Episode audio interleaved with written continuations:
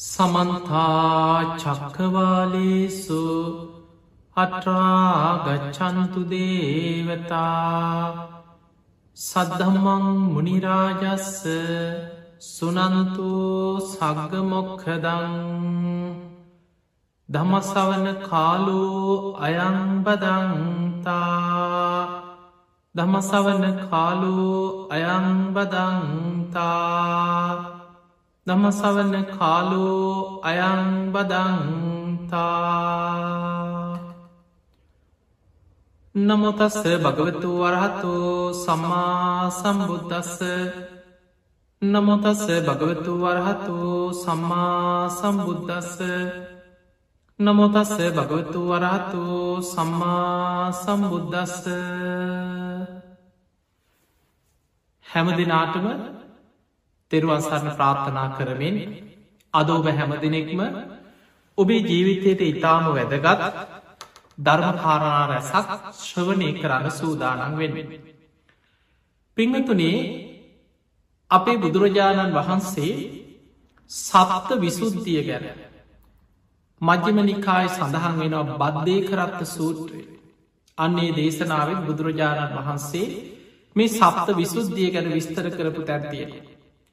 මේ සප්ත විසුද්ධිය බොහෝ දේශනාවල යම් යම් කෙටියෙන් සඳහන් වනත් ඒවා ගොඩාක් විස්තරාත්මක අටුවාවල ඒවගේම අභිධර මට්ට කතාවල මේ සත්ත විසුද්ධිය ගැන බොහෝ තොරොත්තුරු අපිට එක් රැස් කරගෙන. නිවන් අවබෝධයට අදාළ වෙන විදිහට කොහොම ද අපි මේ සප්ත විසුද්ධිය දියුණු කරගන්න ගොඩනගාගන්න කියන එක අපිට තේරුම් ගන්න පුළුවන්.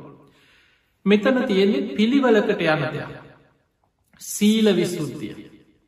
සීලෙන් ඇතිකරගන්න පිරිසිදු භාවේ තුළමයි චිත්ත විසුද්ධිය.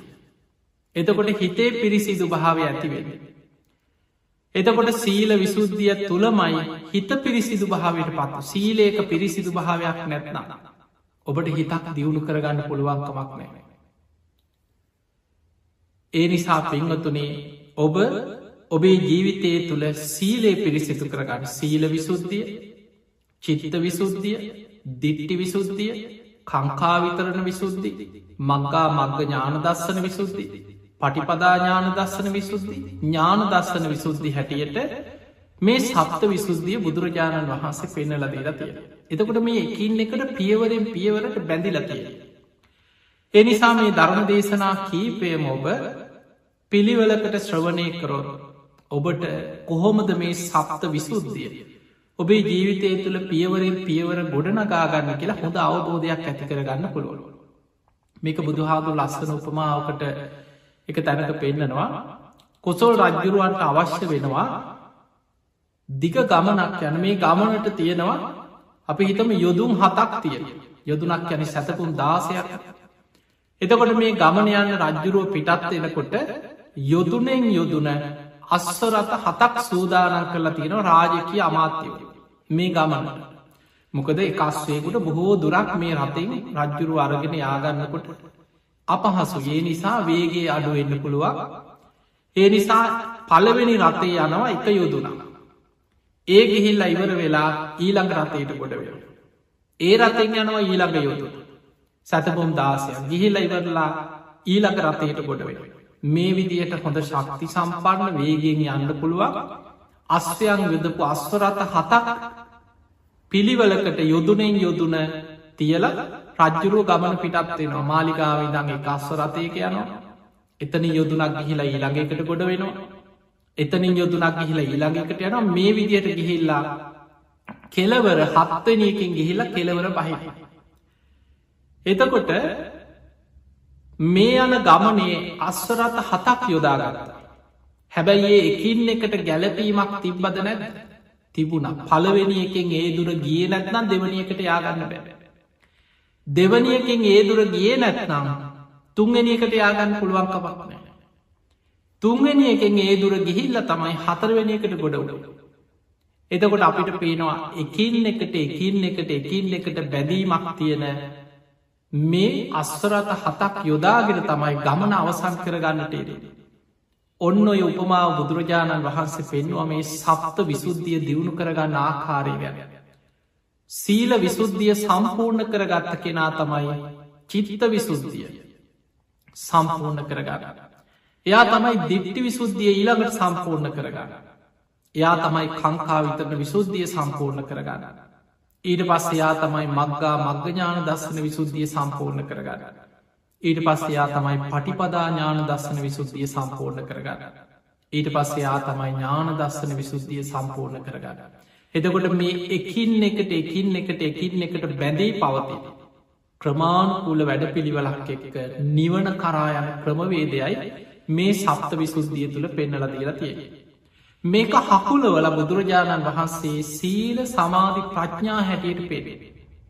ආර්යෂ්ඨායක මාර්ගය තුළ ගත්තා මේ හැම තැනකම ගත්තහම බුදුරජාණන් වහන්සේ. උන්වහන්සේ තමයි ධර්මස්වාම උන්වහන්සේ හකුලෝල විස්තර කරන තැන් තියෙනවා. විස්තර ඇතුව දේශනා කරනවා.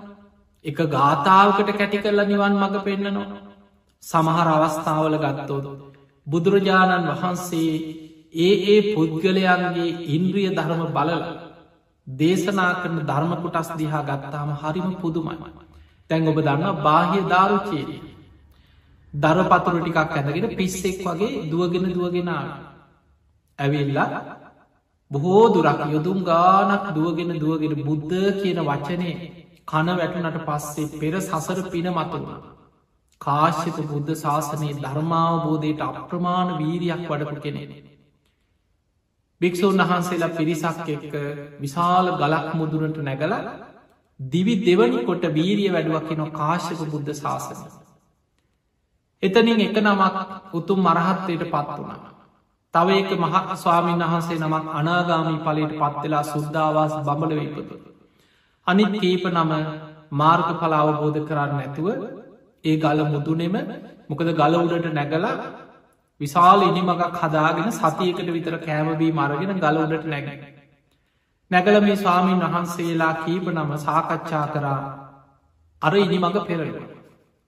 තැන් පහලට බහින්න බෑ. පැන්නොත් අත පයික දෙන්නත් පුළුව. මැරෙන්න්නත් පුළුව. මේ අයි සාකච්ඡා කරා දැන් අපිට වෙන විකල්පයක් නෑ. අපි දිවි දෙවනි කොට ධර්මාවබෝධයට වීරිය වඩම කියල තමයි මේ පරොත්තෙවුල වීරිය වැඩ. ඒ අතර පස් නමක් මාර්ගඵල අවබෝධ නොකර අර ආහාර අවසන් වෙලා කලන්තේ හැදිල හේම ගලමුදුන අපවත්වන. උන්හසල පස් දෙනාම දෙව්ලව ඉපදුන. ඒ පස් දෙනාම මනුලොවට ඇවෙල් අපේ ගෞතම බුද්ධ ශාසනයේ උතුම් මහරහතන් වහන්සේල බවට පත්තෙත. එයින් එක්කෙනෙක් තමයි බාහිය මේ බාහිය බුදුහාම් බුදු කෙනෙක් පහළ වෙලා කියලා දැනගත්තට පස්සේ. මොකද බාහිය තරුණ වයිසට එනකොට වෙලදාම වෙන රටක ඉපද. නැව් පිරිසක් එක්ක වෙලදාම යන ගමන් හදිසිය නැව් මුහුදු බත්ව කුණාටුකට අකවෙලා. කොහෝම හරි කොටේක එල්ලිලා පීනගෙන පීනගෙන ගොඩබීමකටාව මහ කැලේට. ගොඩට එනකොට ඇගේ ඇදුමත්නෑ. ඉක්මනට කැලේ ඇතුළට ගීලා ගස්වල තියෙන පට්ට කොලාරගෙන යන්තා අර කොලාතුවලින් ගස්වල තියෙන පොතුවලින් ඇඳුමක් හදාගත එකයි දාරු චීරී කියන දර පතුරුවලින් ඇඳුමක් හදාගත්ත කියෙන. ඔහු කැලේ කාලයක් හිටිය මහ වනාන්තර. දන්නේ නෑ මේ කොයි වගේ රටත්ද මිනිමස් කනයි ඉන්නවද කැලෙන් එලියට යන්න බය නිසා කැලේ ඇතුළ හිටිය. ඔහොම කාලයක් ඉන්නකොට කැලේට එන මිනිස්සු දර කඩන්න එන මිනිස්සු දැනගත්තා මෙහෙම හාමුදුරුක භික්ෂුවක් ඉන්නවා. සමහරු කිව් අවන්න රහතන් වහන්සේ නම. මොකද ඒ කාලෙ මේ භික්‍ෂූන් වහන්සේලා වීරිය වඩනය විමුක්තිය හොයනයි එකේක විදියට ඉදලත තැන් අපේ බුදු හාමුදුරු පවා බෝසස් කාලේ විමුක්තියක් පිණිස දුස්කරක්‍රියා කරනකොට කොච්චර උන්වහන්සේ දුස්කරක්‍රියා කරනකොට මොනතරන් ක්‍රමවේද අනුගමනය කරා. තැන් ඉන්දියාව ගත්තහම ඇඳුන් නැතුව ඉන්නයි. දරපතුරු ඇඳගෙන ඉන්නයි. ගිනි ගොඩවල් ගහගෙන ගිනි තපිනායන්නවා. අවුරුදු ගණන් නාන්න නැතුව කෙලෙස් තවනවා කියලා දුක්විදිනයින්න.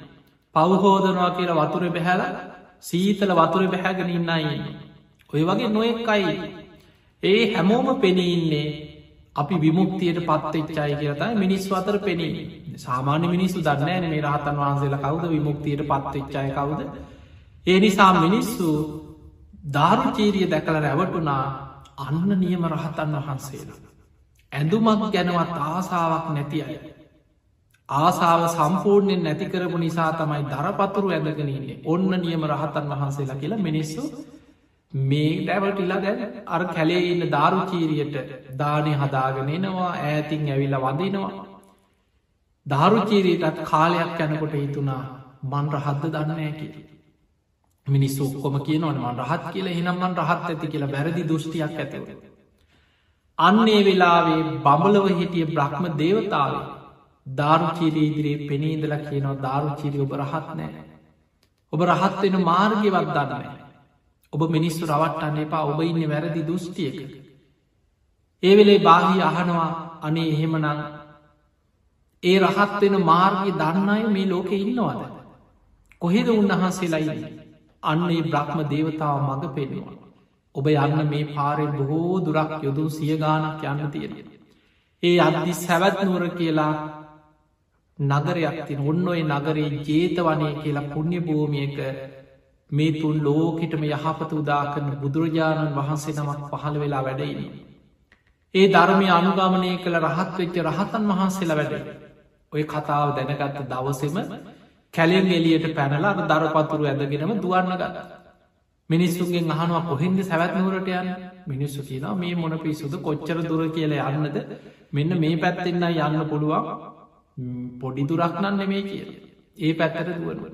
ඔහොම දුවලා දුවලා මාසයක් විතර දුවගෙන දුවගෙන සැවැත්නුවරටාව.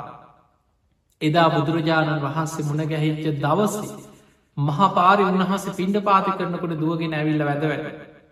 බුදුරජාණන් වහන්සේ පාත්තරි අතේතියාගෙන ගාථාවකින් කෙටියෙන් බණකිට. බාහිය දැක්කොත් දැක්ක විතරයි. ඇහුනොත් ඇහුණ විතරයි. දැනුනොත් දැනුන විතරයි හිතුනොත් හිතුන විතරයි දිට්ටේ දිට්ටමත්තම් භවිස්සති සුතේ සුතමත්තම් භවිස්සති. මුතේ මුතමත්තම් භවිස්සති විඤ්ඥානයේ විඤ්ඥානමත්තම් භවිස්සති. බාහියට බාහිය ඔබට ඔය විදිහට අරමුණු එතන නවත්ත ගන්න පුළුවන්නන්න ඔබේ හිත එතන පිහිටන්නෙත් නෑ වෙන තැනකත් නෑ ඒ අතරත් නෑ ඔබ පිරිනිවන් පානකි. බලන්න නිවන් මඟ බාහියට හකුලෝල කෙටියෙන් කිව. බාහි එතනම දනගහකෙන වාඩි වෙලා අර මහපාර අයිනෙම මේ ධර්මය විමසවා හිත කෙලෙසුන්ගෙන් මිදිර රහත්තුව. බුදුරජාණන් වහන්සේ පාත්තරය අරගෙන ඉදිරියට වැඩිය. බුදුහාදුරු දැක්කා බාහියට ජීවත්වෙන තියෙන ටික වෙලාව. හැබැයි ධර්මය අවබෝධ කරන්න පින තියෙනවා. පෙර සසරය කරපු අකුසල විපාකයක් විපාක දෙනවා ආවිශ්‍යනය හැබැයි ඊට පෙර නිවන් අවබෝධ කරන්න පුළුවන්. ටික වෙලාවකින් බාහිය මහපාරෙන දනගහගෙන අර ධර්මය විමසාද. හිත කෙලෙසුන්ගේ මිදෙනකොටම කුලක්පුයි කෙල දෙනක් ඇවිල් ඇනගෙන ගියා එහෙ මම මැරිල වැට. උන්වහන්සේ පිරිනිවන් පෑව. අනිත් අය කාටවත් පේන්නේ බුදුරජාණන් වහන්සේ දා සංඝය අමතලකින මහනෙන ඉක්මනට ගිහිල්ලා. බාහියගේ දේහෙ අරගෙනෙන උන්වහන්සේගේ දේහෙ ආදාහනය කරලා ඒ ධාතුන් වහන්සේලා තැම්පත් කළ චෛත්‍යයක් හදන්න. දෙව්මිනිස් ලෝකයාට වන්දනා කළ පින් රැස් කරගන්න පුළුවන්. මේ බුද්ධ ශාසනයේ කෙටියෙන් වදාළ ධර්මය අවබෝධ කරගත් භික්‍ෂූන් අතර අග්‍රම කෙනා බාහිය ධාරුචීරී කියල බුදු හාමුදුරු දේශනා කර. එතකොට මම ඔය කතා ඔබට මුලින්ම සඳහන් කරේ සමහරයි කෙටියෙන් අහල ධර්මය අවබෝධ කරගන්න. සමහරයි දීර්ඝ දේශනාවක් අහල අවසන් වෙනකොට ධර්මය අවබෝධ කර. සමහරය කාලයක් සීල සමාධි ප්‍රඥාව වඩල හිත ටික ටික ටික ටික ඉන්ද්‍රිය ධර්ම දියුණු කරගෙන ධර්මය අවබෝධ කරගත්ත. ඒ කොහොම අවබෝධ කරත් අවබෝධ වෙන්නේ සීල සමාධි ප්‍රඥා වැඩිලාමයි මේ සප්ත විසුද්ධිය වැඩෙන්න්නට ඕන් එක ෂනික වැඩෙන්න්න පුළුවන් කෙනෙක් තුළ එක ගාථාව අහත්ති වැඩෙන්න්නත් පුළුව. කෙනෙක් ටික ටික දේශනාවක් අහගෙන යනකොට ඒ තුළ සම්පූර්ණ වේගෙන ගිහිල්ල දේශනාව කෙලවර ධර්මාවබෝධයේදී ඒක සම්පූර්ණ වෙන්න පුළුවන්. එහෙම නැත්නම් කෙනෙක් මොකද ඒ ඒ පුද්ගලයන්ගේ ඉන්ද්‍රිය ධර්මවල ස්වභාව වෙනස්. සමහරය බොහෝ වීරිය ගන්න ලොකු උත්සාහයක් ගන්න. සමහරයට එක මලක් පරවෙනවා දිහා බලාගෙනනිදල ධර්මය අවබෝධ වේ. ඒ නිසා හැබැයි ඒක දකින්න පුළුවන් බුදු කෙනෙකුට පමණයි කෙනෙගේ ධර්මාවබෝධ කිරීමේ දක්ෂතාව. බුදුරජාණන් වහන්සේලට පමණක් තියෙනවා ඉන්ද්‍රිය පරෝ පරියත්තේ ඥාන. අන්නේ ඥානයෙන් තමයි බුදුරජාණන් වහන්සේ පුද්ගලයෙක් දිහා බලල එයාගේ ධර්මාවබෝධ කිරීමේ කුසලතාවය අඳුනගෙන ඊට අදාළ වෙන විදිහයට ධර්මය දේශනා කරන්නට එඩෙට. පිංහතුනී අද අපි කතා කරන්නේ සීල විසුද්ධිය.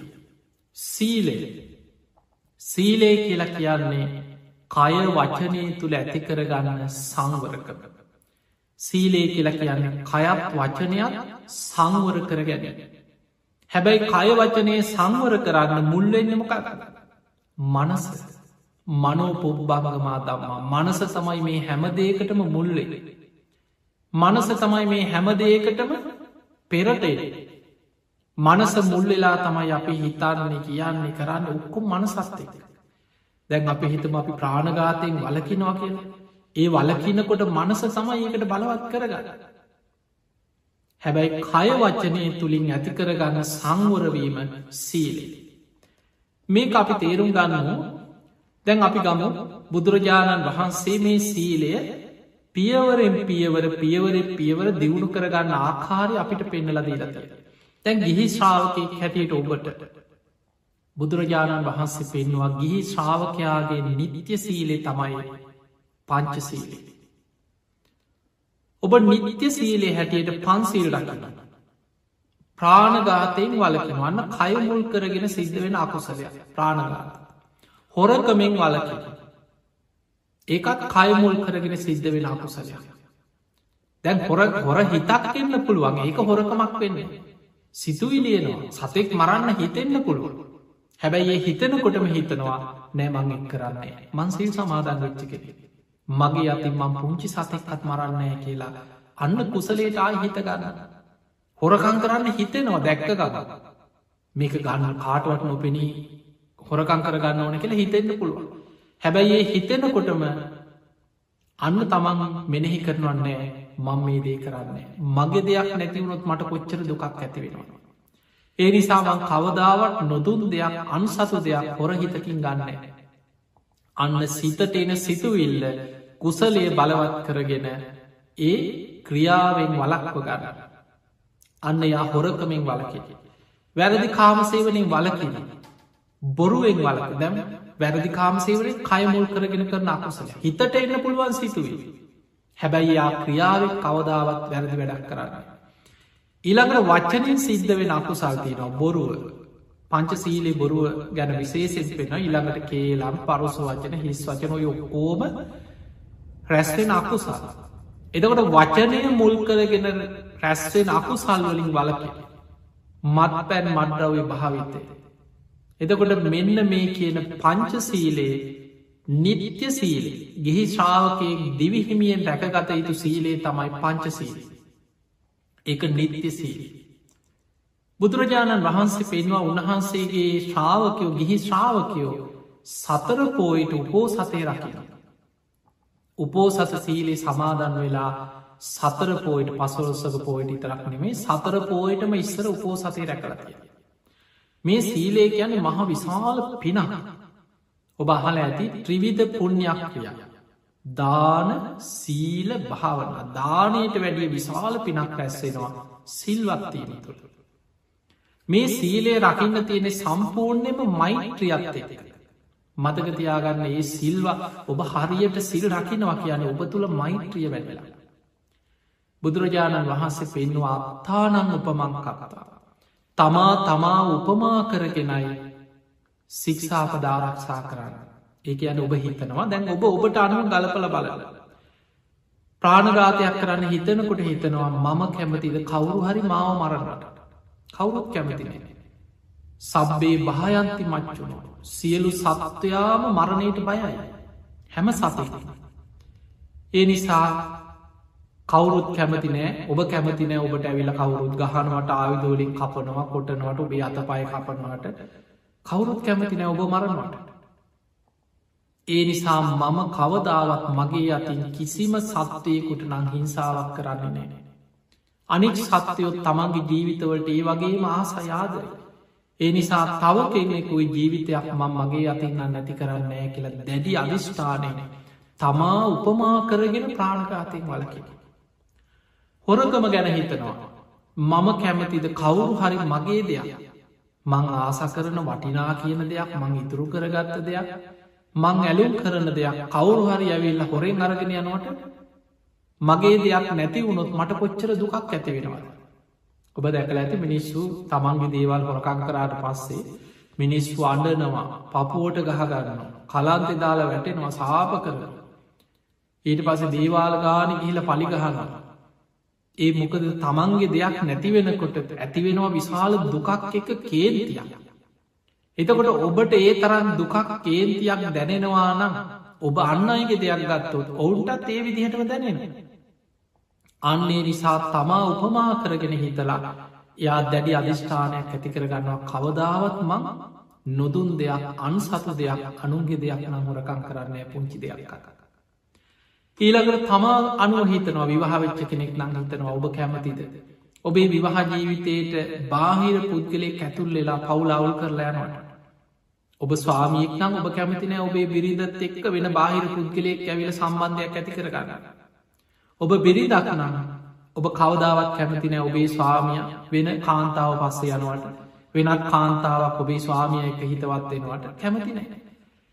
එතකොට ඔබ ඒ විදිහට ඔබ ගැන හිතනවනනම් අන්න කල්පනා කරනවා එහෙම නම් මම කවදාවත් අනුන්ගේ පවුල අනුන්ගේ ජීවිතයක් තවත් කෙනෙකුගේ ජීවිතයකට මං බලපෑමක් නොකළ යුතුයි. වැරදි කාමසේවනින් නොයදී යුතුයි. අන්නේ විදිහට හිතලා වැරදි කාමසේවනය බලකින. ඊළඟට බොරුව. ඔබ කැමතිද කවරු හරි බොරු කියලා ඔබ රවට්ටනට ඔබ අන්දනවට ඔබ රවට්ටනවට ඔබ මුලා කරනවට ඔබ කැමතිනෑ. අන්න ඒ විදිහමයි මේ ලෝක අනිත්තයි හැමෝම. ඒ විදිහට හිතලා එයා කල්පනා කන මං කවදාවත් අන්න අය බොරුවක් කියල රවට්ටන්නේ. මත් පැනතේ වගේ බලන්න මිනිස්සු බීවට පස්සේ සත්තු වගේ සමහර. එතකොට ඒ අනුව හිතල ඔබ කල්පනා කරනවා කවදාවත් මං තව කෙනෙකුට පීඩාවක් දුකක් ගෙනත් දෙන්නේ. මං මේ මත් පැන් මඩ්ඩව භාවිතය වලකෙන. ඒ තුළ අන්න අයටත් විශාල පීඩාවක් දුකක් මන් නිසා. ඒ විදියට හිතලා පන්සිල් රකින. එහෙම පන්සිල් රකින කෙනා පෝය දවස්වල්ට මහරහතන් වහන්සේලා අනුගමනය කරමින් උතුම් සීලයක් රකින. දැන් ඔන්න සීල විසුද්ධිය තුළ පංච සීලෙ විතරක් නෙමෙම. එයා ගිහි ශ්‍රාවකයෙක් හැටියට නිත්‍ය සීලෙ හැටියට පන්සීල් රකිනවා. හැබැයි බුදුහාමුදුරන්ගේ ශ්‍රාවකයෝ සතර පෝයට උපෝ සතයක් රැක්කයිද. අඩුගානය අද සතර පෝයට බැයි නම් පසොලොස්සක වෙනුවෙන් හරි. සමා සාමානයෙන් අපි දන්න ඔස්ට්‍රේලියා වගේ රටවල මේ රටවල පෝයි දවසට වෙනම නිවාඩුවක් ගන්න අමා. ඒ නිසා ඊට ආසන්න සෙන සුරාද ඉරිද නිමාඩු දවසක් සම්බන්ධ කරගෙන හැම පන්සලකම සිල් වැඩ සටහන් උපෝ සස වැඩ සටහන් සිදුවේ. එතකොට ඔබට මාසෙකට එක දවසක් හරි ඔබට පුළුවන්නම් උපෝසත සීලයක් සමාධන් වෙන. පිංහතුනි මේ උපෝසතය වටිනාක බුදුරජාණන් වහන්සේ දේශනා කරනවා සාක්‍ය කුමාරවරුන්ට රාජ කුමාරුන්ට බුදුහාන්දුරු දවසක් දේශනා කරනවා සාක්‍ය කුමාරවරුණි එක දවසකට කහවනු දාහක් ලැබෙන. එවැනි රැකියාවක් කෙනෙකුට හම්බෙන. ඔබ හිතන්න ඒ කාලේ කහවනුවක් කියලා කියන්නේ රන් කහවනුවක් කියලා කියන්නේ මිල කරන්න ඉතාම වටිනා දෙයක්. සාමාන්‍ය මනුස්සේකුට කුලියක් කරලා දුක් මහන්සේලා හම්බෙන්නේ තඹය එක්කො තඹවලින් හම්බේ. එවැනි මුදලක් තමයි හම්බේ. රන් කහවනු කියන්නේ ඉහළම ධනය. එතකොට රන් කහවනු සීයක් දවසකට හම්බෙනවා කියලා කියන්නේ වැටුපක් හැටියට ඒක විශාල ධනය. එදකොට ඒ වගේ රස්සාාවක් කම්පෙනවා කෙනෙකුට රන්කහ දවසකට රන්කහවන සීය. එයා මාසයක් අවුරුද්දක් නෙමේ අවුරුදු ගානක් දැම් මේ රස්සාාවම යෙදෙන. එයාට හිතෙනවා එක දවසක් යන්න බැරිවුණො අද කහවනු සීයක්න. තවත් කහවනු සීයක්න. තව දවසක් යාගන්න බැරිවුණුට ලෙඩ නිවාඩු දාලා හරි තවත් කහවනු සීයක්. එහෙම හිත හිතා අර මුදල් එකතු කර කර ඒ රැකියාව කරනවා. බුදුරජාණන් වහන්සේ වදාල් අවුරුදු සීයක් ඒ විදිහට රැකියා කරලා යම්ධනයක් උපේනවල. ඊට වඩා වටිනවා කියලා කිව්වා එක දවසක් උපෝසත සීලේ සමාදන්වීමේ වටිනාකක. අන්න බුදුරජාණන් වහන්සේ උපෝසතයක වටිනාකම් පෙන්න්නපු හැටි. දවසකට කහවනු සීය වැැබෙන. එවැනි ලැබෙන රැකියාවක් අවුරුදු සීයක් පුරා කරලා යම් ධනයක් උපේනවද ඒ සියල්ලට වඩා වටිනවා කීවා එක දවසක් උපෝසත සීලේ සමාදන් වෙලා ඒ සික්ෂාපද ආරක්ෂා කරන්න පුළුවන්න. පිංහතුනි බුදුරජාණන් වහන්සේගේ ශ්‍රාවකයෝ පියවරෙන් පියවර තමයි සීලේ සම්පූර්ණ කරගෙන ඉදිරියට යන්න. හැබැයි එහෙම ඉදිරියට යන්නකොට මතකතියාගන්න අර නිත්‍ය සීලෙ එක නිත්‍ය කියන්නේ ඒක නැති කරගන්න. ඒ නිත්‍ය සීලේ තියෙන ගමම්ම එයාට පුළුවන් ආර්යෂ්ඨායික මාර්ගගේ මාර්ගාන්ගේ හැටියට ආජීව අෂ්ටමක සීලයක් සමාරු සමාධන්නයි. ආජී වෂ්ටමක සීලී. ආර්යෂ්ඨායික මාර්ගගේ මාර්ගාන්ග තුනක්. සම්මා වාචා සම්මා කම්මන්ත සම්මා ආජී. සම්මා වාචා වචනය සිද්ධ වෙන අකුසල් බොරු කේලම් පරුස වචන හිස් වචන. එදොට පන්සිල්වල තිබුණේ බොරුව විතරයි. දැන් වචනයෙන් වෙන අකුසල් හතර. ලේසින හිස් වචන. හැම වෙලේම කට ඇරියොත්. බොහෝ දෙනෙ එක්කෝ දේශපාලන කතා කුණු ගොඩවල් යාගමයාගේ කියලං අනුන්ගේ ඇදකුද ගෑනු ගැන පිළිමි ගැන රටේ විස්තර. ඕව තමයි බොහෝ වෙලාවට තියෙන ඒවා අයිති වෙන දෙතිස් කතාවට අර හිස් වචනට ඒවැනුත් වැලකිලා ධර්ම කතාවක විතරයදේ හැම වෙලාවකම හිතනවා මං වචනයක් කතා කරත් හිතක් සංසිදෙන අර්ථවත් යහපත් ධර්ම කතාවක පමණක් යෙදෙන අන්නේ විදිහට බොරුවෙන් කේලමින් පරුස වචනය විතරන්න මේ හිස් වචන වලින් පවා වලකි. ආර්යෂ්ඨායික මාර්ගගේ මාර්ගාංගයක් සම්මා වාචා. සම්මා කම්මන්ත කයමුල් කරගෙන. ප්‍රාණගාතයෙන් වලකිනවා හොරකමින් වලකිනවා වැරදිකාම සේවනින් වලකිනවා කයමුල් කරගෙන අකුසල් කරන්නේ. සම්මා ආජීවේ ජීවත්වීම පිණිස හම්බ කරන්න පුළුවන් වැරදි ක්‍රම ඕන තරන් තියෙන පුළුව. මත් පැන විකිනීම මට්ටවය විකිනීම මස් පිණිස සතුන් ඇති කිරීම අවියාවිද වෙළදාම් වහල් වෙළදාම් වසවිස වෙළදාම් බුදුරජාණන් වහන්සේ නොකළ යුතු වෙළදාම් හැටියට පෙන්න ලදීපු මේ වෙළදාම් වලින් වලකින. එයා ආජීවය පිරිසිදු කරගන්න පිරිසිදු ආජීවයක් සාධහරණව ධර්මිෂ්ටව දාඩිය වගුරෝල සාමාන්‍ය අපි කතාවට කියන්නේ මං මේ සාධාරණව හම්බ කරපු සල්ලි. මිනිස්සු එහෙම කියනවන්න කාටවක් දුක්දීල හම්බ කරපු දේවල් නෙමේ අනුන්ට වසවිස කවල හම්බ කරපු දේවල් නෙමේ මේ දුක් මහන්ස වෙලා සාධහරණ උපයාගත්ත ධනය. එතකොට ඒ එහෙම ධනයක් ඔබට තියෙනවා කියන්නේ ඒ ඔබට සතුටට. ඒ නිසා බුදුරජාණන් වහන්සේ පෙන්නන්නේ අල්ලස් ගන්නයෝ. පගාවල් ගන්නය. බඩු කිරණකොට හොරට කිරණේවා. කොච්චර තියෙනවද මිනිස්සු ඒවා මිත්‍යා ආජීවයට අයිතිවෙන්න. එතකොට පිරිසිදු සීලයක් සමාදන් වෙන සීලෙ ආරක්ෂා කරන ආජීවයෙන් පිරිසිදු කෙන සීල විසුද්ධිය තුළ එයා කවමදාවත් තමන්ගේ සීලේ තුළ වැරදි විදිහට උපයන්නේ. තමන්ට පගාගන්න පුළුවන් ක්‍රමේ තියෙන. කොමිස් ගන්න පුළුවන්කම තියෙන. හොරට කිරන්න පුළුවන්කම තියෙනවා. සමහර වෙලාවට රත්තරං කියලා ඉමිටේෂන් වර්ග විකුණන්න පුළුවන්කම තියෙන මිනිස්සු මුලා කර මිනිස්සු නොමගේ අද කොච්චර වංචනික දේවල් ලෝක සිද්ධ වෙනවා. හැබැයි සිල්වත් කෙනා නිවන්න අවබෝධය පිණිස සීලේ පිරිසිදු කරගන්න කෙනා තමන්ගේ ජීවිතේ හැම වෙලාම හිතනවා මම සාධහරණව ජීවත්වෙන කෙනෙ. මං කවදාවත් ජීවත්වීම පිණිස වැරදි වැඩක් කරන්නේ නෑ. මම සාධාරණව ධාර්මිෂ්ටව ධනයක් උපේගන්නව කාටවත් කරදරයක් නොවෙන විදියට. අන්නේ විදියට සම්මා වාචා සම්මා කම්මන්ත සම්මා ආජී ඒ අයිතේ ආජීව අෂ්ටමක සීලේ. එහෙම සිල් රකින කෙනා පෝය දවසට රහතන් වහන්සේ අනුගමනය කර. පිංහතුනී රහතන් වහන්සේ අනුගමනය කිරීමයි උපෝ සතේ සමාදන් වෙනවා කියලා කැන මහරහතන් වහන්සේ අනුගමනය කිරීම. මේක සඳහන් වෙන අංගුත්තර නිකාය තියෙනවා විසාකා උපෝ සත සූත්‍රයේ. බොජ්ජංග උපෝ සත සූත්‍රයේ. වාසෙට්ට උපෝසත සූට්ට මේ වගේ උපෝසතය ගැන විස්තර කරපු දේශන ගොඩාක්තිය. ඔය දේශනා හැමහෙත බුදුරජාණන් වහන්සේ විස්තර කරනවා පෝය දවසට කෙනෙක් මහරහතන් වහන්සේලා අනුගමනය කරන. දැන් ඔබට සීයට සීයක් රහතන් වහන්සේ නමක් වගේ ඉන්න බෑ ඒ අපි කවුරුද්දන්න. හැබැයි උන්වහන්සේලා ගැන මෙහෙම හිතනවා. අංගුත්තර නිකාය උපෝසත් සූට්‍ර බුදු හාන්දුර පෙන්න්නනවා.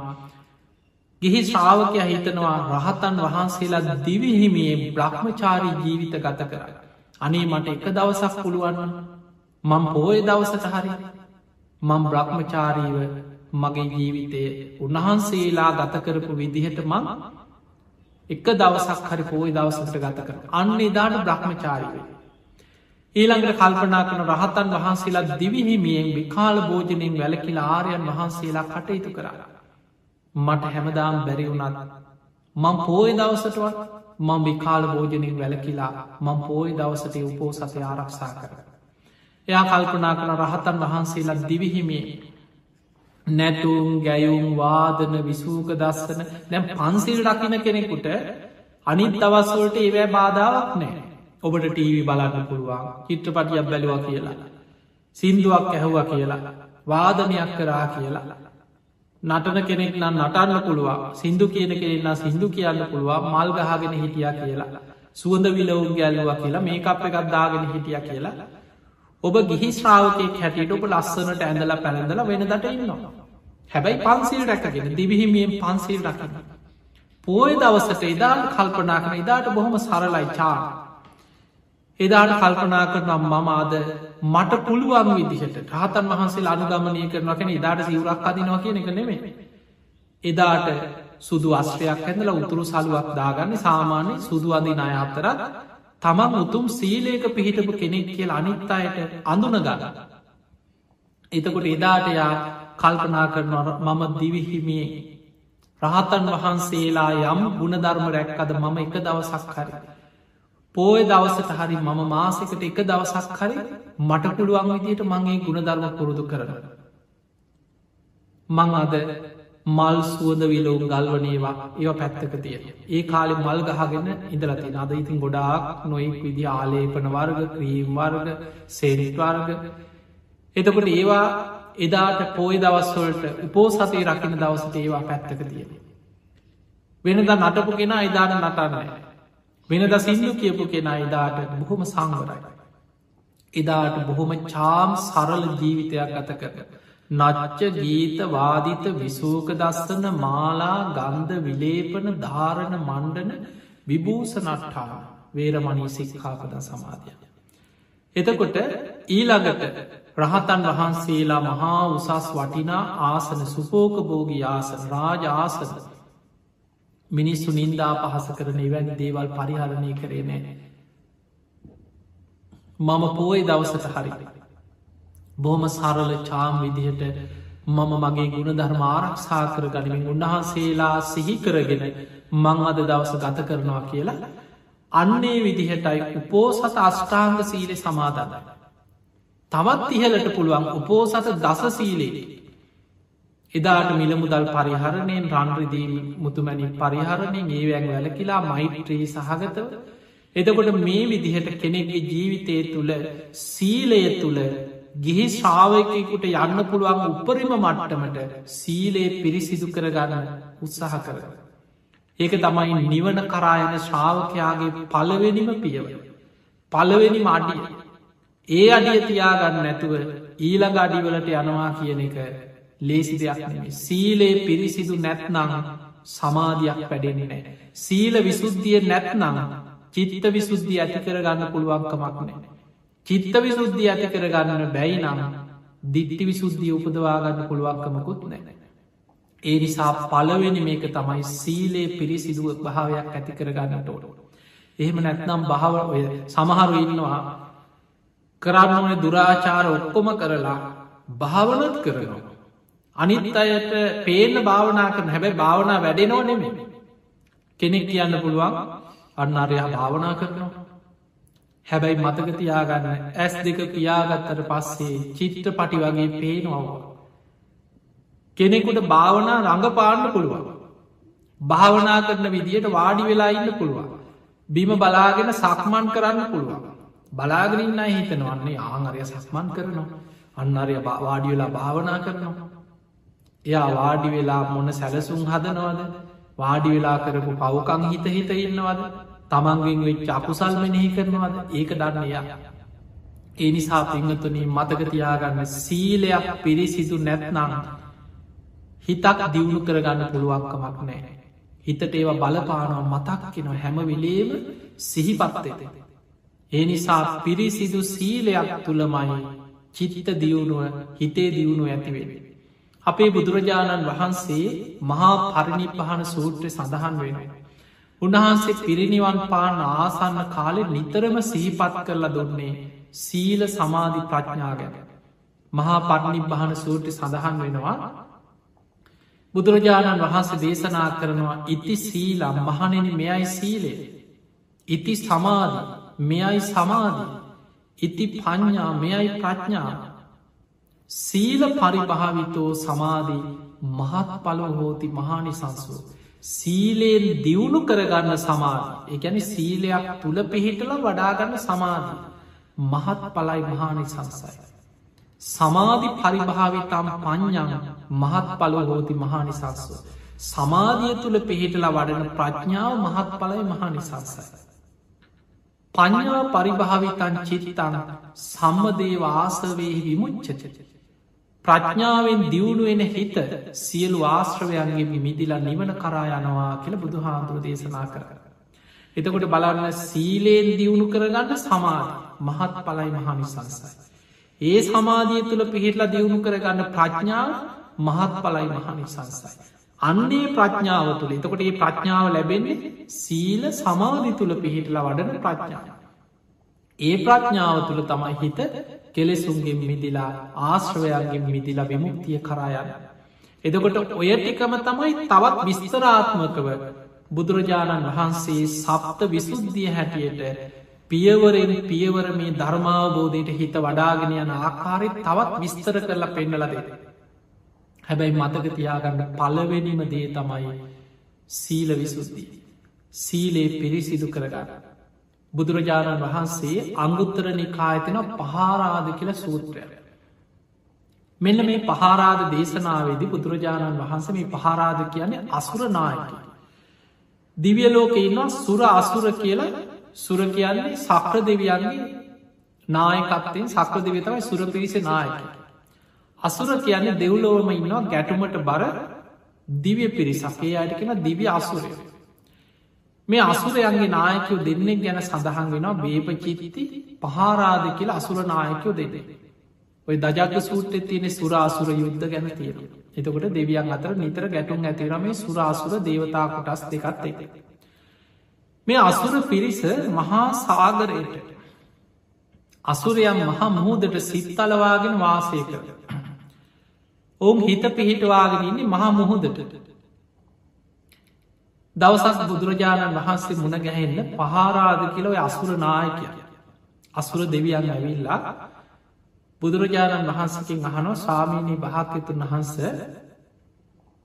භික්‍ෂු භික්‍ෂුණී උපාසක උපාසිකාව මේ තරම් බුද්ධ ශාසනයට ආස කරන්නේ ඇයි? ඔබහන්සේගේ ශ්‍රාවකයා මේ තරම් බුද්ධ ශාසනයට ඇලුම් කරන්නේ ඇයි කියලා එතරදි බුදුරජාණන් වහන්සේ පෙරලා ඔහුගේ ප්‍රශ්නයක් කැව හරි පහාරාද මං ඒක කියන්න කලින් ඔබ කියන්න අසුරයන් මහා සාගරයට මේ තරම් ඇලුම් කරන්නේ යාස කරන්නේ ඇයි.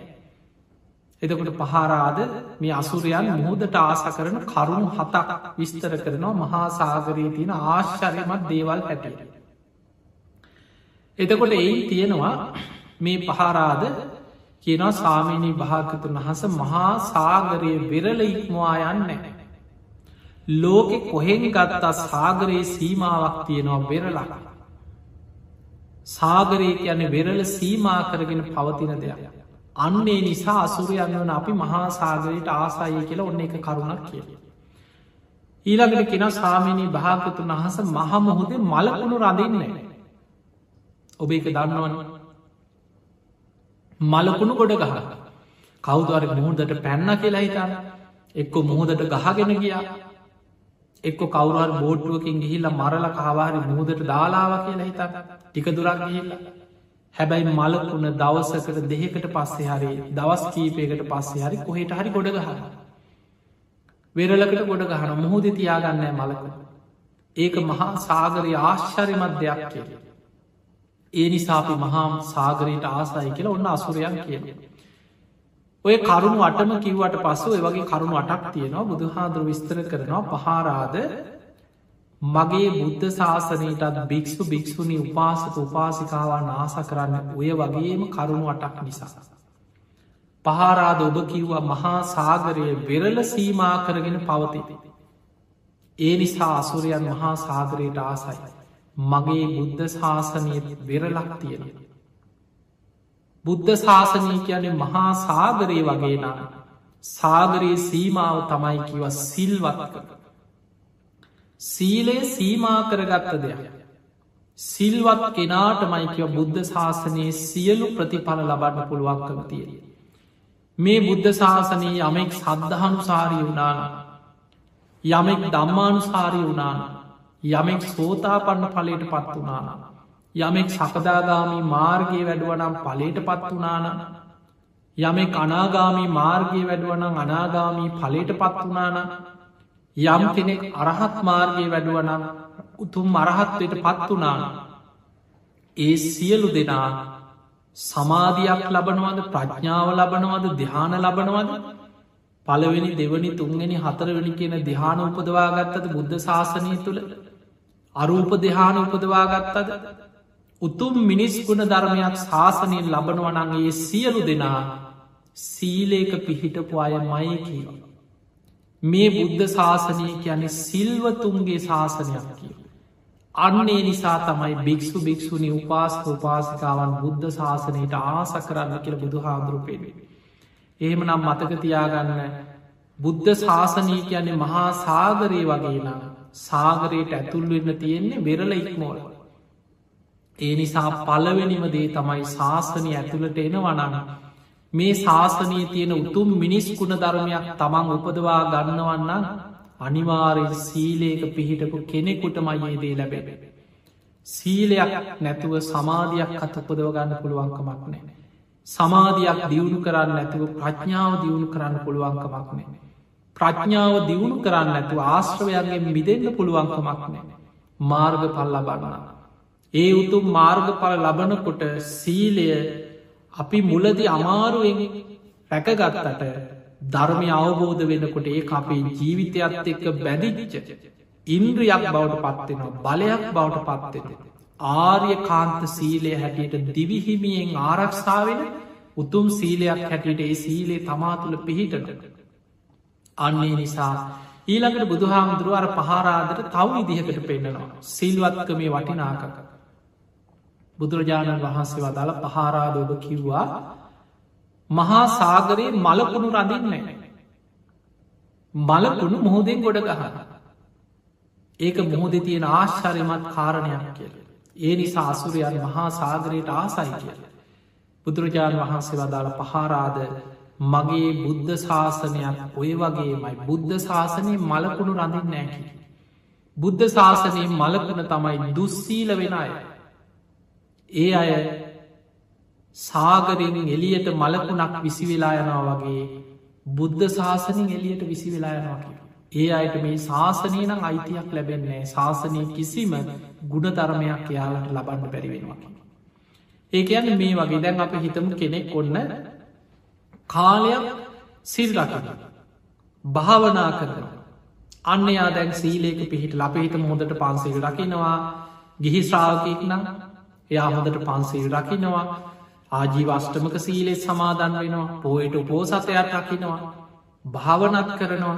අන්න දැන් සීලේක පිහිටල චිත්ත විසුද්ධිය සීල විසුද්ධිය පිහිටලා චිත්ත විසුද්ධිය ඇති කරගන්න භාවනා කර.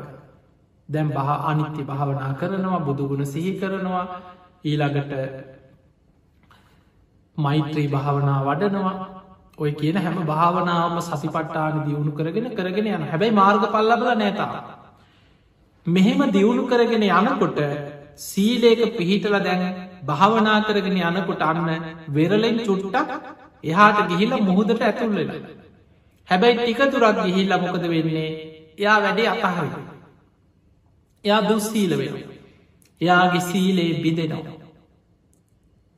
ඊට පස්සයා දැන් අපි හිතමු සමහරු ඉන්න මේ කාලයක් හොඳට සීල්ලැකගෙන බණහාගෙන ඉන්නවා. මෙන්න කාලෙකදී බුදුහාන්දුරන්ටත් එක්ක බැන බැනයම සමහරු ඉන්නවා කාලයක් හොඳට පැවිදි වෙලා හොඳට බණ භාවනා කරගෙන සිල් ගුණ දහම් රැකගෙන ඉන්නවා ටික කාලය ඒ පැවිදි වෙච්ච කාලෙ හොඳට ගුණ ධර්ම රකින කාලයක් ඉඳලා දුස්සීල වෙන ඊට පස සිවුරුත් අතහැරලයන එතකොට අන්න ඒ වගේ අය අර සාගරයේ ටික දුරක් ගිහිල්ල මැරිච්ච මලකුණක් කිය කෙනෙක් දුස්සීල වෙච්ච ගමන් එයා ශාසනය අර සාගරයට අයිති නෑ මලකුණක් සාගරයෙන් ගොඩ ගහනවා වගේ එයා බුද්ධ ශාසනය එලියට විසි වෙලායනවක් යාට එතනිනි හාට ශාසනය උතුම් මිනිස්කුණ ධර්ම ලබන්න පුළුවන්කමක් නෑකි. එහෙමනම් අපිට පේනවා මේ පහරාද දේශනාව දිහා බලද්දී බුද්ධ ශාසනය කියන්නේ සිල්ව තුන්ගේම ශාසනයක්. මේ බුද්ධ ශාසනය උතුම් මිනිස් ගුණ ධර්ම ලබනවනන් ලබන්න පුළුවන් සිල්වතුන්ට පමණමයි. කෙනෙක් සද්ධානුසාරී වෙනවද දම්මානුසාරී වෙනවද සෝවාන් වෙනවද සකදාගාමි අනාගාමි අරහත් මාර්ග පල් ලබනවද සමාධයක් වඩනවද ඒ හැම ගුණධර්මයක්ම උපදවාගන්න පුළුවන් සිල්වතෙකුට පමණයි. ඒ නිසා වැදගත්මදේ තමයි සීල විසුද්ධිය කියනක ඉතාම වැදගත.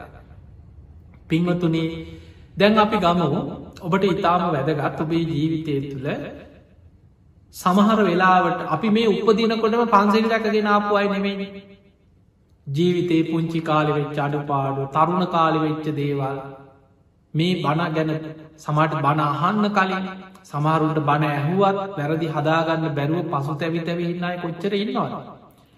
එතකොට ජීවිතේ වෙච්ච වැරදි අඩුපාඩුකම් ඕන තරන්න ඇත. හැබැයි ඔබට පුළුවන් අද මේ දේශනාව අහලා අද හිතනවා කියලා හිතා. මේ දේශනාව අහලා හිතනවා සීලයක් නැතුව නම් බුද්ධ ශාසනය ගැඹුරක් කරායන්න බෑ. සීලයක් නැතුව මං කොච්චර සුසුරේදී ඇඳගෙන සුදුවෙන් වැහිලා හිටියත් කොච්චර වැද වැදා හිටියත් බුදු පිළිම ඔළුව තියාගෙන හිටියත් සීලයක් නැතුව නම් මට මේ බුද්ධ ශාසනයේ ප්‍රතිඵලයක් උතුම් මිනිස් වුණ ධර්මයක් ලබන්ට දියුණුව කරායන්න පුළුවන්කමක් නෑ. මං අද ඉදන් සිල් රකිනවා කියලා දැඩි අධිෂ්ඨානයක් ඇතිකරගත්තා කියලා හිතන්න. බුදුරජාණන් වහන්ස පෙන්නවා වලාකුලින් මිදිච්ච පුන් සඳක් වගේ. එතන ඉදං එයාගේ ජීවිතේ බැබලෙන පටන් ගන්න. එතන ඉදං එයාට බුද්ධ ශාසනය උතුම් මිනිස් ගුණ ධර්ම ලබන්න පාර විවර වෙන. ඒ නිසා පරණ වැරදි අකුසල් හිත හිත ඉන්නවා කියන්නේ එතනමයි ඔබේ පරාජීතිය. බොහෝ දෙනෙකුගේ තියෙන අඩුපාඩුකන් තමයි පරණ අකුසල් හිත හිතා පසු සැවෙන. හයියෝ මං ඒ කාලෙ මේ වගේ වැරදි වැඩ කරා. ඉස්සර මං මේ වගේ පවකං කරා. නොදන්න කාලි මේ වගේ දේවල් කරා. ඉස්සර මං මෙහෙම කර ඒවා ඉස්සර. අද ඔබ පන්සේ සමාදන් වනානං හිතන්න අද ඉල්ලා දිවිහිමී මං මේ ශික්ෂාපද රැක ගන්න. පරණේව මට දැන් අදාලනෑ. අන්න එතන ඉදන්න දියුණුවක්මයි. වලාකුලින් මෙදිච්ච පුන් සඳ වගේ. අර අකුසල් කර කර ඉන්න තාක්කල් සඳ බැබලෙන්නේ වලාකුළුවලින් දුම් මේ දුම් ආදිය වැහිලතිය. යම් දවසක සීලේක පිහිටල ගුණධර්ම වඩන්න පටන් ගත්තද එතන ඉදන් ජීවිතයේ ධර්මාවබෝධි පැත්තට පාර විවර වෙනුවෙන. ඒ නිසා පරණ වැරදි හිත හිත පසු තැවෙන් එපා. ඔබ අද ඉදං හරි සීලේක පිහිටට. උදේ හවස සීලේ මෙනෙහි කරන්න උදේ පාන්ද රැඳෙන් නැකිටිනකට මම මේ ප්‍රායෝගික ටිකක් ඔබට කියන්න. උදේ පාන්දර නැකිට්ටට පස්සේ ඇඳේ නං හරි එදා දවසෙ තුනුරුවන් ගුණ සිහිකල් අධිෂ්ඨානයක් ඇති කරගන්න අද දවස තුළ රස්සාාවට ගියත් මොන තරං මිනිස්සු හම්බෙනවා වැඩ කටයුතු කරනවා පාරයනවා දහසක් දේවල් හැබැයි මේ මොන දේවල් අතරේවත් මම ප්‍රාණඝාතයෙන් වලකෙන. අද දවස කවදාවත් කිසිම විදිහකින් හොරකමක් කරන්න වැඩදි කාමසේවනයකේ දෙන්න. බොරුවක් කියන්න අද දවස මම්මත් පැන් මට්ටව ගුරක්කත් බිඳුවක්කත් කටේවත් තියන්නේ. තවත් පුළුවන්නන් ආජී වෂ්ටමක සීලෙකුණ ධර්මත්හිතන අදමං කේලම හිස් වචන ඒවැනු කලකින් කවදාවත්මං කාටවත් තරහක් කේන්ති අරගෙන බනින්නේ පරුස වචනවලින් වලකින්. අද දවසමන් ජීවත්වීම පිණිස කා කීයටවත් වැරදි විදිහ ආදායම උපේන දේක යෙදෙන්නේ. එතකොට ඒ විදිහට දවස පටන් ගන්න. එදා දවස පුරාම ශික්ෂාපද ගැන සිහියගන්න. හවසැවිල්ලා නිදාගන්න ගිහිල්ලා දවස ගත කරපු හැටි ආවර්ජනය කරන බලන බුදුන් ඇදල් හරි පන්සීල් ගන්නකොට සිහි කරනවා අද දවස පුරාම මං හොඳට ප්‍රාණඝාතයෙන් වැලකුණ. ආපස්සට බලන අද දවස මං හොරකමෙන් වැලකුණ. අද දවස මං වැදදි කාමසීවනින් වැලකිච්චකෙන. අද දවස මං බොරුවෙන් විතරක්න මේ කේලම් පරුසු වචන හිස් වචන මං කොච්චර සංවර කරගත්තද මගේ වච්චච. අද දවසේ මං උතුම් සීලයක් රැක්ක. මේ සීලේ මට නිවන්න අවබෝධයට මගේ චිත්ත දියුණුවට ප්‍රඥාව දියුණු කරගන්න නිවන් අවබෝධයට මාශිර්වාදයක් වේවා කියලා අන්න දැඩි අධිෂ්ඨානයක් ඇති කරගන්න. දැඟ ඔබ හිතන්න හවසට ඇවිල්ල සිහි කරනකොට මතක් කෙන. අද මත් බොරුවක් කීවන. අද මත් දැන දැන මේ බොරුවක් කියවන ඔපිසගේ ගිහිල්ලාරි බොරුවක් කිය. කවුරුවරි යහපම් පෝර්ණ එකින් හරි කාටහරි බොරුවක් කිය. එදකොට මේ වගේ මතක් කෙනෙ. පුංචි සතෙක් හරි අද මගේ මැරුණනේ. අදම පොඩි ආයතනි හරි හොරකමක් කරන්නේ අහුවෙන් නැති විදියට. එතකොට ඒ වගේ තමන්ගේ පුංචි අඩුවක් හරි දැක්කොත්. ආවෝක ගානක් නෑ කියලා හිතනවන යාට එතනින් එහා දියුණුවක් කරා යන්න බැ. පුංචි වරදේ පවා බය දකින කෙනා තමයි මේ සීලේ තුළ දියුණුව කරයන්න. එහෙම දකින කෙනා දැඩි අධිෂ්ඨානයක් ඇති කරගන්න. ඒකට ධර්මී කියන්නේ ආයතින් සංවරී පිහිටනවා කියලා. දැඩි අධිෂ්ඨානයක් ඇති කරගෙන තුනුරුවන් තමා කරගෙන අධිෂ්ඨානයක් ඇති කරගෙන මං ආයි කීයටවත් මේ වගේ වැරද්දක් කරන්න පුංචි වැරද්දක්කත් කරන්න. මං අද ඉදා දිවිහිමෙන් පන්සිල් රකිනවා කියලා ආයිත් සිල් සමාදන්වෙන. ඒ නිසා තමයි අපි වැටි වැටී නැකිටිනවාගේ අපේ අඩුපාඩු ආපහු හැරී බල බල. සීලේ පිරිසිදු කරගෙන සීලේ අඩුපාඩු හදාගෙන යායුතු ගමනක් මේතියේ. ඒ නිසා හොඳ සිහියගෙන නැත්නම් මේ ශික්ෂාපද රැකගන්න බෑ. අද ලෝකයේ අපි ජීවත්වන්නේ අකුසලේට බරවෙච්ච ලෝකෙක. අපායට නැඹුරු වෙච්ච සමාජයක රාගදවේශ මෝහ ඇවිස්සිච්ච ලෝකෙක විකෘති ලෝකෙකයින් කෙලෙස් ඇතිවෙන දේවල් බහුල ලෝකෙක ජීවත්වය. එවැනි ලෝකයක උතුම් සීලයක් ආරක්ෂා කරගෙන ගුණධර්ම රැකගෙන ධර්ම මාර්ග ගමන් කරනවා කියන්නේ මහා පින්වන්ත කෙනෙක් මයි පෙර සසර විශාල පිනක් තියෙන කෙනෙකුටමයි උතුම් සීලයක් උතුම්ම විදිහට රැකගන්න හැකියාව ලැබේ. ඒ නිසා පින්වතුනි මතකතියාගන්න අපි සිල්රෙදි පොරෝගත්තට සීලෙ පිහිටානේ රෙද්දෙනෙමේ. අපි සුදුවෙම්ම ඇතිලා හිටිය. අපේ සීලේ පිහිටන්නේ අපි අමින්න පළඳල සිල් රැදිවල නෙමේ. අපි දවස ගානි පන් දැන් බොහෝ දෙනෙකුට මේ පන්සිල් ගන්නේ චාරිත්‍රයක්න. ඒක චාරිත්‍රයක් නෙමෙයි. නිවන් අවබෝධය පිණිස පිරිය යුතු පළවෙනි මංගේ සප්ත විසුද්ධිය පළවෙනි මේක තමයි සීල විසුද්ධිය. ඒ නිසා චාරිත්‍රයක් හැටියට කරන්නන්වා දැන් අපි දන්නවා සාමාන්‍යෙන් ඉස්කෝලේ පන්සේ සමාදන් වෙන උදේ පාත. සමට ළමයි දන්නෙත් නැ මේ පන්සිල්ල අර්ථය ඇස්වීමක් තියන පල න්‍යාය පත්‍රය පලවෙනි එක තමයි පොල්තෙල් පන්සිල් සමාදංවීම පොල්තෙල් පහන දැල්ලීම පලවෙනි. සමහරු හොර ව්‍යාපාර පටන් ගන්න පන්සිල් අරන් පිරික් කියලතව වැඩේ පටන්ගන්න. ඒ නිසා මතක තියාගන මේ සිල් ගන්නවා කියන්නේ චාරිත්‍රයක්. කඩ ලෝක රවට්ටන එකක්කත් බොරුවට රඟපාන එකක් නෙමෙයි.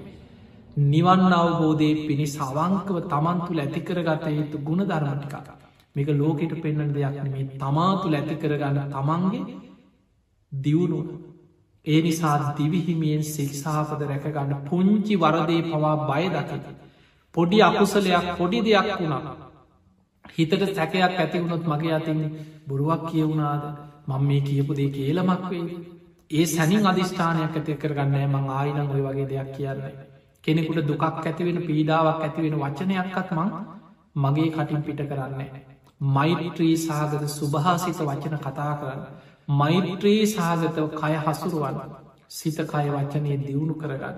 අන්න එතකොට ඔබට සීල විසුද්ධිය සීලේ පිරිසිදු භාවය ඇති කරගෙන චිත්ත විසුද්ධිය.